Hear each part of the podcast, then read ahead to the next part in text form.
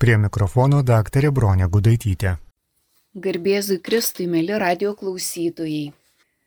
Šiandien pakalbėsim apie tai, kaipgi mes atrodytume, jeigu galėtume pasižiūrėti į save Dievo akimis. Ir greičiausiai ta mūsų padėtis tai būtų labai artima kalėjimo įvaizdžiui, nes visi mes patyrinėję savo gyvenime galim aptikt tokias e, kalėjimą primenančias patirtis. Galbūt kartais jos susidaro dėl, gali susidaryti, dėl kitų žmonių požiūrio į mus ir tada mes kažkaip save uždarom į tam tikrą kalėjimą. Galbūt esam patyrę kokį neteisingumą ar kažkokias baimės išgyvenam. Ar galbūt e, kažkokia sunki lyga, kuri mus kankina ir mes tada užsidarom kaip į kalėjimą. Gal kokia priklausomybė mus įkalina. E, taigi čia įvairiausi dalykai e, gali atsitikti mūsų gyvenime, kada mes užsidarom savyje ir tampam tokie nelaisvi, sukaustyti, jaučiamės beverčiais, nesaugus, bijom svajot, bijom kažką net planuot. Atrodo, kad nemokam prisitaikyti, nemokam gyventi. Ir, sakykime, tos gyvenimo pamokos dažnai mus išmoko gerų dalykų, bet kalėjimo padėtis jinai dažniausiai būna tokia užslaptinta. Tai tarsi mums ir saugu, lyg ir pasislėpę, bet tuo pačiu esam sukaustyti, nelaisvi ir vargstam patys e, nuo savęs, bet negalim išsivaduoti. Netgi atėjo į galvą tokia mintis, kad, kad ir tas televizijos žiūrėjimas irgi gali būti kaip kalėjimo tokia patirtis, jeigu mes esam priklausomi nuo televizijos ir, ir tada vat ateina tas vakaras ir kai atsisėdam, tai jau paskui įkalinti būnam ten kelias valandas arba kiti galbūt e, taip įpratę, nežinau, naršyt kompiuterį ir ir tu, tu esi kažkur tai pririštas, e, prisektas ar ne. Ir, ir lyg ir galėtum kažką pakeisti savo gyvenime, bet nepajėgi. Lygiai taip pat gali būti ir kitokios problemos, kai žmogus tinginystės būna sukaustytas. Jau nekalbu apie, apie tokią kalėjimo padėtį, kai kai jau minėtos priklausomybės žmogų sukausto alkoholizmas ar narkotikai ar kitokie prisirišimai. Ir kartais atrodo, kad čia, kad čia yra pabaiga, kad e, čia jau viskas prarasta, kad jau čia ne, neįmanoma, nes ir pa, pats žmogus be to blogai jaučiasi ir, ir toje padėtyje blogai jaučiasi. Bet jam tik taip atrodo, kad, kad jis negali išsivaduoti. Tada, kai taip jau įvyksta tas stebuklas ir žmogus malonės dėka išsivaduoja iš, iš to kalėjimo, ta, tada jis pamato, kokiam kalėjime buvo, kas jį ten laikė, su, su kuo jis ten sėdėjo tam kalėjime ir kokios priežastys buvo, bet tik tada, kai tu išsivaduoji, tu gali su, suvokt tą tikrąją savo padėtį. Taigi, jeigu mes žiūrėtume ne žmogaus akimis, o, o atsiduotume die, Dievo sprendimui, Dievo valiai, atiduotume va, tą savo padėtį Dievui ir tada galėtume pažiūrėti, kai, kaip tada viskas sprendžiasi, nes mes tą kalėjimą savyje patys tarsi savo jėga e, laikom, puoselėjam, saugom netgi labai dažnai. Ir turi gyvenime atsitikti vėl kažkoks įvykis, kad, kad ten kaip šventam rašte ten buvo išvaduoti iš kalėjimo, nu, nukrito grandinės ir, žodžiu, galėjo išeiti iš kalėjimo Petras būti laisvas, tai, tai va šitoj vietoj turi kažkas įvykti ir dažniausiai tas kažkas, tai, tai tas planas yra ne mūsų, o Dievo rankui. Bet vat ką mes galim padaryti iš savo pusės, tai prašyti Dievo, kad, kad Jis būtų mūsų pagalba. Ir šitoj vietoj galim prisiminti Dovydą. Jo istorija labai įdomi, kad jis buvo Samuelio pat, pateptas, jis pats užaugo Sauliaus dvare ir, ir netgi savo muziką gydė Saulių.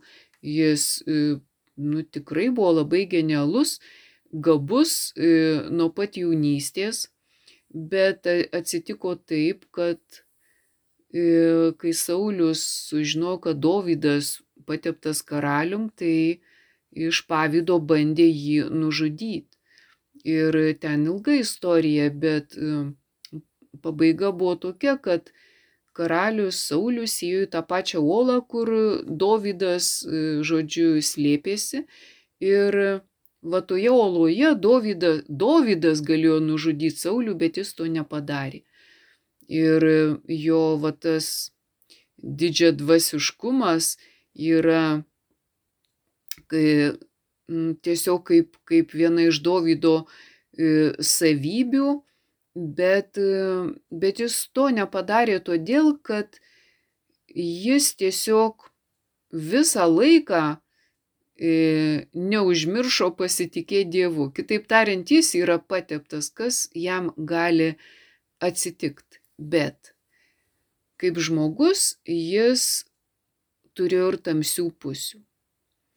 Ir va čia tos tamsios pusės, kad Dovydas nekarta gyvenime yra, kaip mes sakytume, paslydęs ir, ir padaręs daug negerų darbų ir matai, kad už kągi Dievas taip galėjo mylėti Dovydą, kai, kai jis buvo toks silpnas kaip žmogus, bet nepaisant tų visų jo trūkumų ir, ir silpnybių, vis dėlto Dievas buvo jį išsirinkęs. Ir išsirinkęs todėl, kad matė ne tik jo silpnumą, bet matė ir jo ištikimybę Dievui. Dievas matė Dovido ištikimybę jam. Ir kad ir kokios ten nesėkmės jo gyvenime vyko, bet vis dėlto Dovydas šventajam rašte yra prašytas Dievo akimis, kaip, nu, kaip vertas būti karaliumi ir kaip tas, kuris parašė daugybę Dievą šlovinančių psalmių. Dovido psalmių yra tikrai daug, daugiau ne, negu pusė, tiek kiek jų yra. Taigi mes matom tą, tą patį asmenį, kuris turėjo ir didelį skirtinumą Dievo akise ir taip pat buvo silpnas žmogus. Tai Dievas, kuris į mus žvelgia, jisai visada žvelgia mylinčiom akim. Mes, kai žvelgiam į kitus ar į save, mes galim kartais turėti ir tokias paniekos, paniekinimo ar ne, akis, kritikos, bet Dievas žvelgia nežiūrėdamas į mus, kokie mes nevykėliai, bjaurūs, nusidėliai, bet mylinčiom akim. Ir mes žinom, kaip, kaip gera, kai į mus kažkas pažiūri mylinčiom akim. Bet kažkodėl mes netikim, kad Dievas į mus gali žiūrėti mylinčiom akim ir kad mes galim iš jo priimti tą meilę ir, ir atleidimą ir, ir tada, kai, kai suminkštė širdis, ir tu pasidarai toks švelnesnis, minkštesnis kitų žmonių atžvilgių. Taigi Dievas labai gali pakeisti mūsų gyvenime tuos įvykius, jeigu mes kartais būnam tokie vat e, nukrypę, ar ne, kaip į, į tą kalėjimo patirtį, tarsi užsidarę kažkokiam kalėjime, ne, negalintys pajudėti iš vietos, tai e, tikrai Dievas leidžia patirt e, ir tokius dalykus, Dievas leidžia žmonėm ir, ir klaidžioti, ir maištaut, todėl kad mes esam laisvi, bet šitaip mus Dievas moko ir ugdo mūsų tą subtilumą.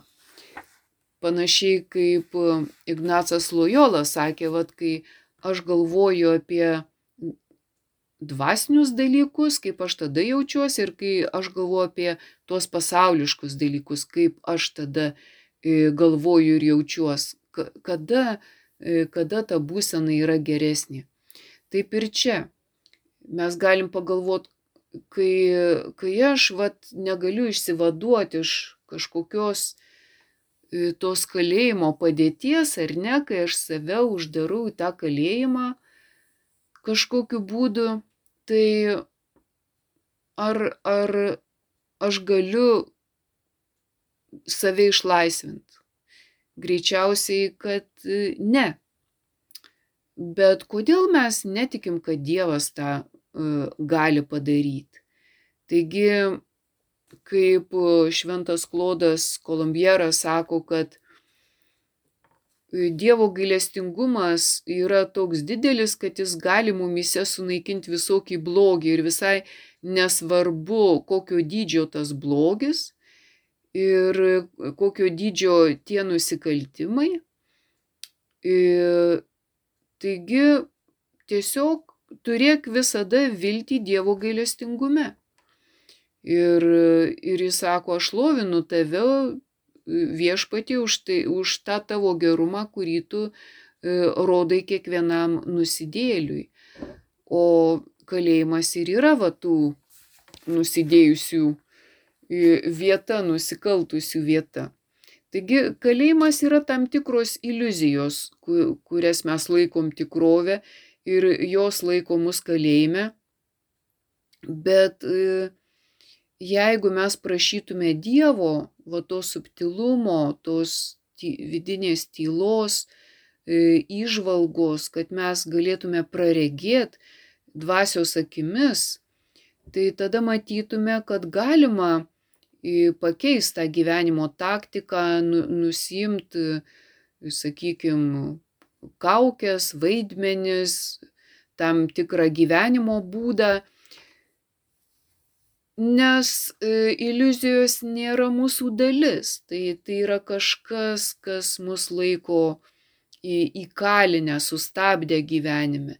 Bet e, mes patenkam į tas iliuzijas dažniausiai tada, kai mes tengiamės kažkokiu būdu išgyvent, kad tik tai aš likčiau. Tas aš yra mano egoizmas. Kai mano egoizmas tengiasi apginti save ir išgyvent arba gyvent maloniai e, e, pagal egoizmo taisyklės ar ne, kaip mes, kaip mūsų egoizmas sugalvotų, kaip aš galiu maloniai gyventi, tada pamatai, kad nu, tai yra netiesa, ne to mums reikia, kad mums per mažai to, ką gali pasiūlyti mūsų egoizmas. Mums reikia to, ką gali mums pasiūlyti pats Dievas. Taigi, sakoma, jeigu tu nori susitaikyti su savim, susitaikyk su Dievu. Ir ne, nepadarius šio akto, nesusitaikius e, su Dievu, mes ne, negalim išeiti iš to kalėjimo. Kitaip tariant, mūsų gerovė rūpinasi Dievas gerovę kuria Dievas. Mes jos negalim iš nieko susikurti, mes ją galim sugadinti. Ir va šitoj vietoj mes galim prisiminti Juditos istoriją. Judita jinai buvo tokia šventos rašto minima moteris, kurią iš pradžių nelabai ir pastebėsi. Tiesiog jinai buvo pasišventus maldai, doram gyvenimui, buvo tokia tyli našlė, bet vis dėlto turėjo labai e, stiprų charakterį, kaip mes sakytume. Ir Juditos knygoje kaip tik ten ir pasakojama apie jos drąsą ir apie jos labiausiai apie jos pasitikėjimą Dievu. Ir ten toje istorijoje minimas kariuomenės vadas Holofernas su savo armija, kuris apgulė Izraelio miestą Betulyje ir izraelitai negalėjo ištrūkti iš to miesto, taigi jie ten buvo kaip kalėjime. Ir kai tarp miesto sienų tas uždarytas šeimas jau pradėjo kankint badas, jie šaukėsi, viešpatie šaukėsi Dievo ir reikalavo, kad seniūnai nu, pasiduotų tam holofernui, žodžiu, kad kažkaip vat reikia išlikti ar ne, kažkaip išlikti, nes jau beveik tokia nepakenčiama padėtis pasidarė.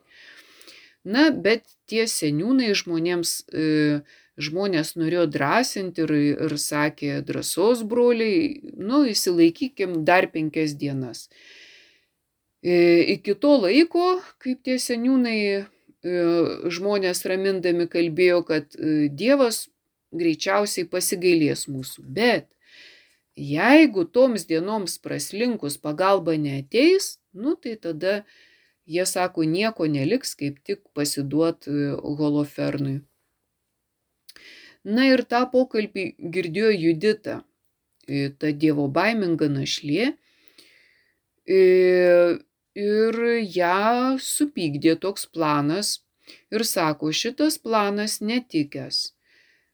Kas jūs per vieni, kad drįstat bandyt, vad Dievui nurodinėt, kad tu dabar, vad, mūsų mirtingų reikalus turi čia būtinai spręsti per penkias dienas, o jeigu tu to nepadarysi, tai mes, žodžiu, tavęs įsižadam, ten pasiduodam kolofernui ir darom viską, ką jis lieps.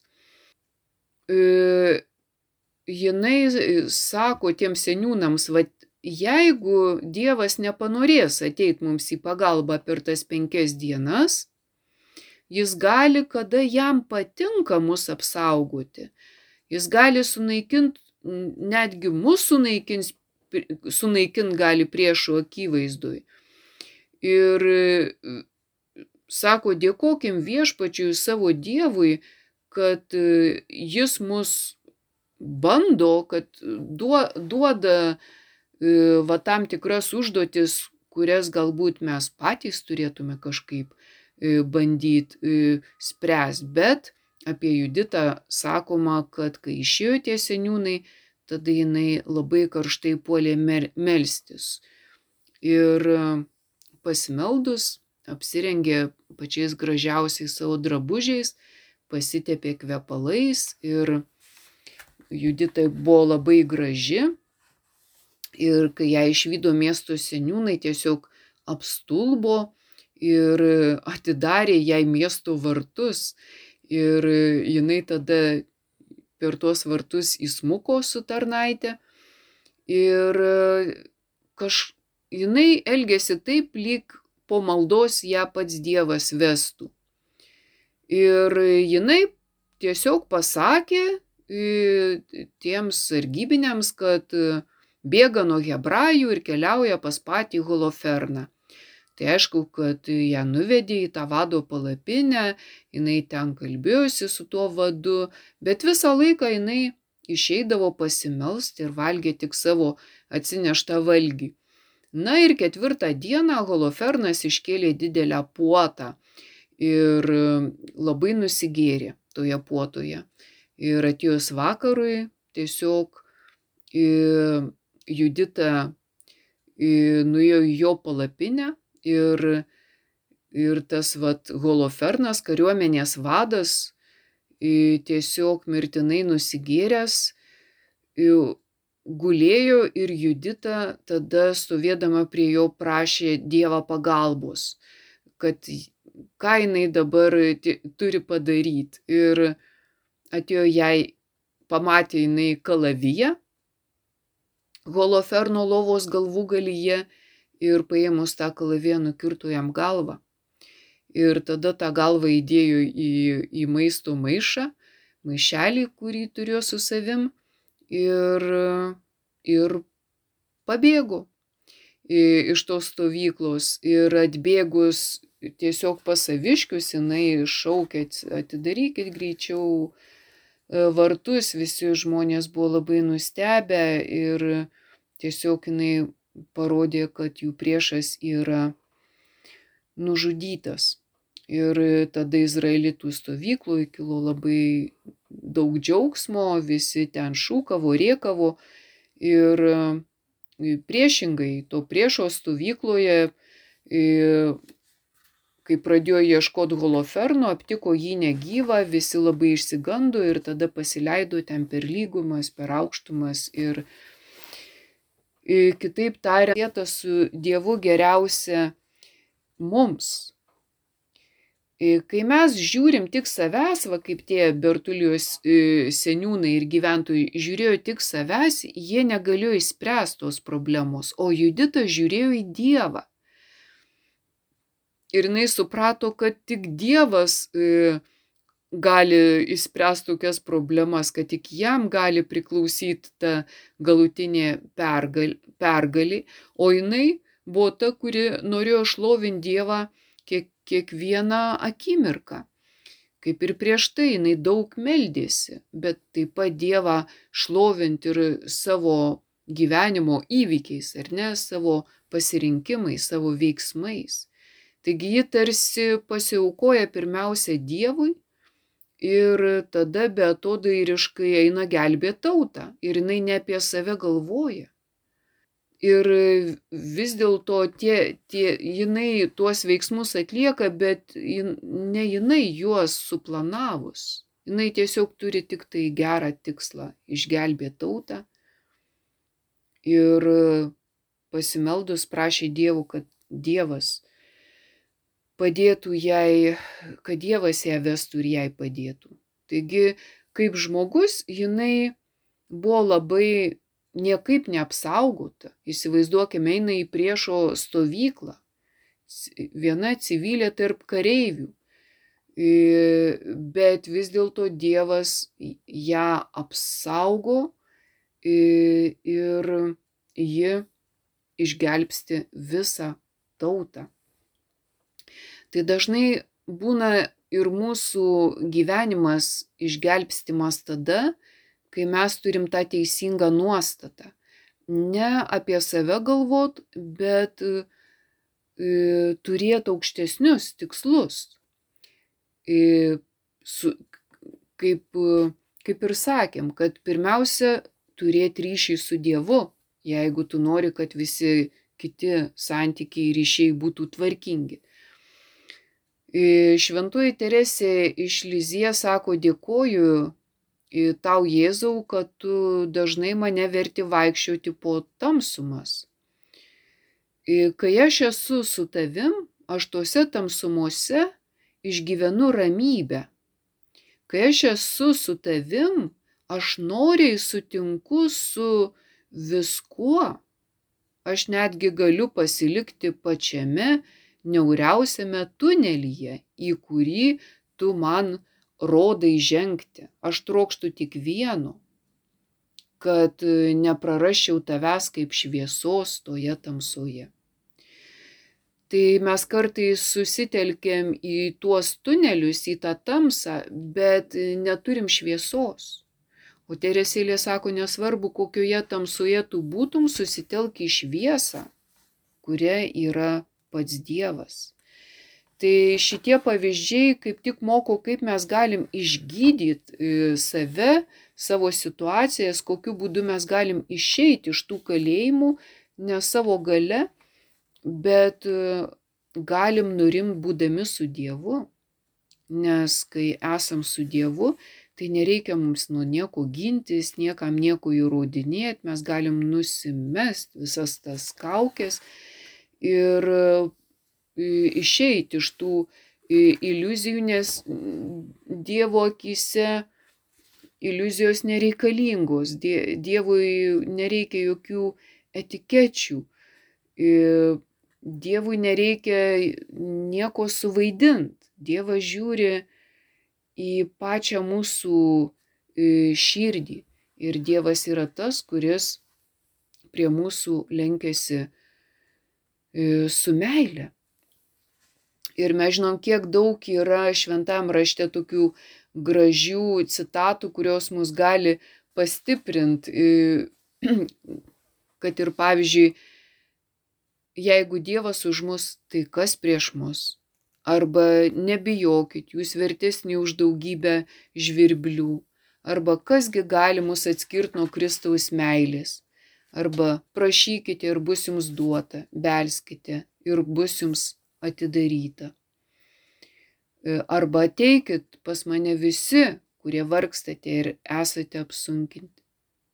Prislėgti, aš jūs atgaivinsiu.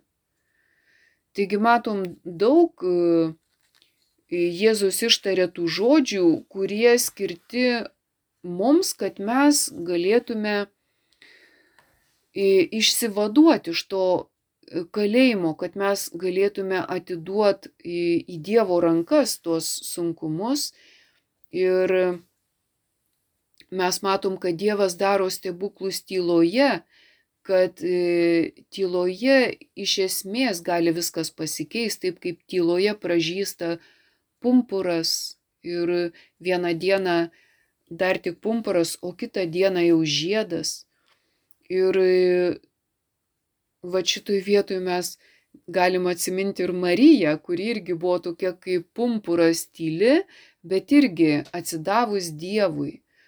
Ir mes nieko nežinom apie tuos tylos metus, bet mes žinom, kad Marija buvo paukota Dievui. Ir ji tiesiog gyveno toje dieviškoje tyloje, bet atėjo laikas, ar ne? Ir, ir tas pumpuras įsiskleidė. Kitaip tariant, ją aplanko angelas ir, ir pasako, kad, nu, tu esi išrinktoji, tu būsi Dievo sūnaus motina, Izraelio karaliaus. Ir, o Marija buvo iš tikrųjų tyli, maža ir tiesiog nepastebima, bet Dievo akimis jinai buvo verčiausia, ar ne, kad, kad taptų Jėzaus Kristaus e, motina. Tai vad, jeigu mes žiūrėtume į ją, tai galbūt atrodytų, kad jinai, nu, nelabai ir verta tokia užsisklendus tyli, bet kaip angelas e, ją pasveikino ir kaip Luko Evangelijoje sakoma, kad Dievas pažvelgė į tą nuolankę savo tarnaitę. Štai nuo dabar palaiminta mane vadins visos kartos. Tai va nuo tada, kaip Dievas pažvelgė, bet Dievas visą laiką žvelgė. Ir Marija pripažįsta savo mažumą, bet e, Marija netgi neturi jokių savo planų.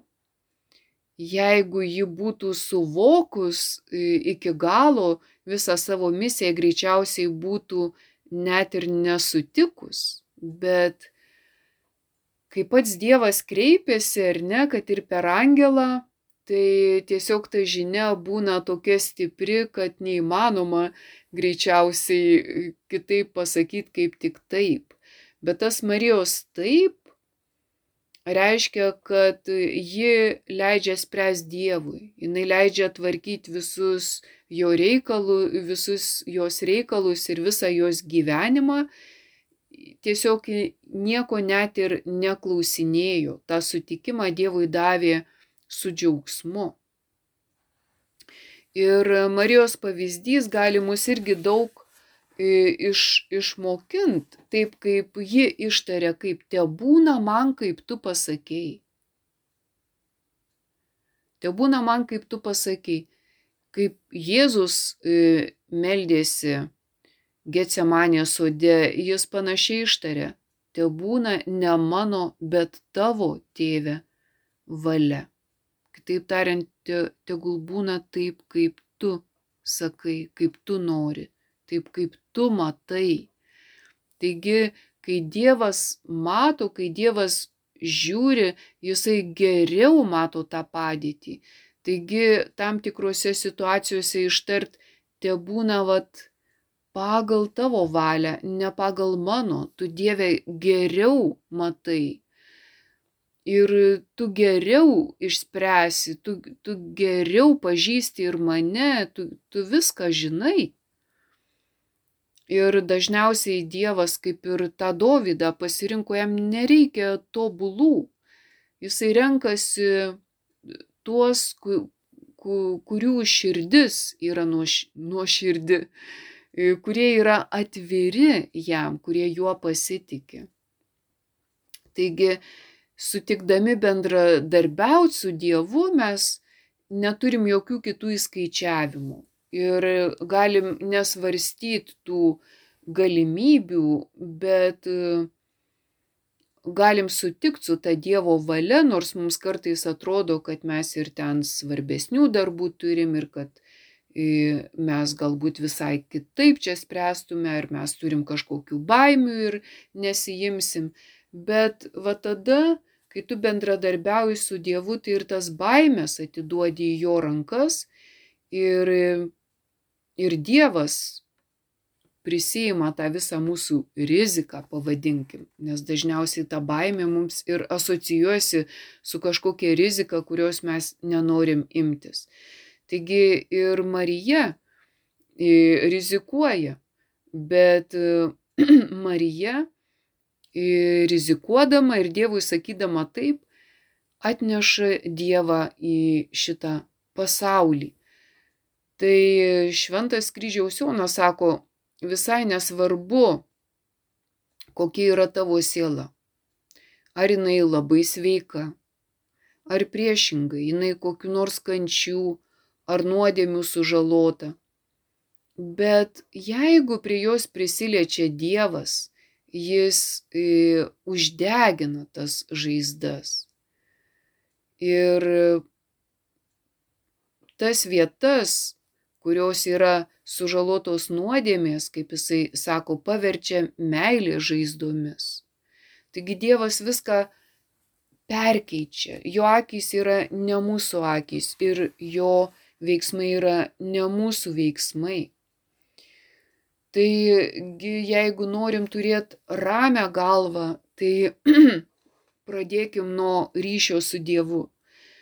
Jeigu norim būti laimingi, tai vėlgi atstatykim ryšį su Dievu. Jeigu norim pokyčių gyvenime, tų gerų pokyčių, vėl atstatykim ryšį su Dievu, leiskim jam darbuotis mūsų gyvenime. Jis pats geriausias E, ramstis ir geriausiai mus gali išvesti iš visų mūsų e, kalėjimų. O tie kalėjimai dažnai būna ir tam tikri mūsų įsispyrimai ir, ir tam tikros nuostatos, kurių mes nenorim niekaip atsikratyti ir išsižadėti. Bet mes žinom, kad Dievo vardas yra aš esu. Jis yra esantysis, jo nereikia toli ieškoti. Jis visada yra čia ir dabar.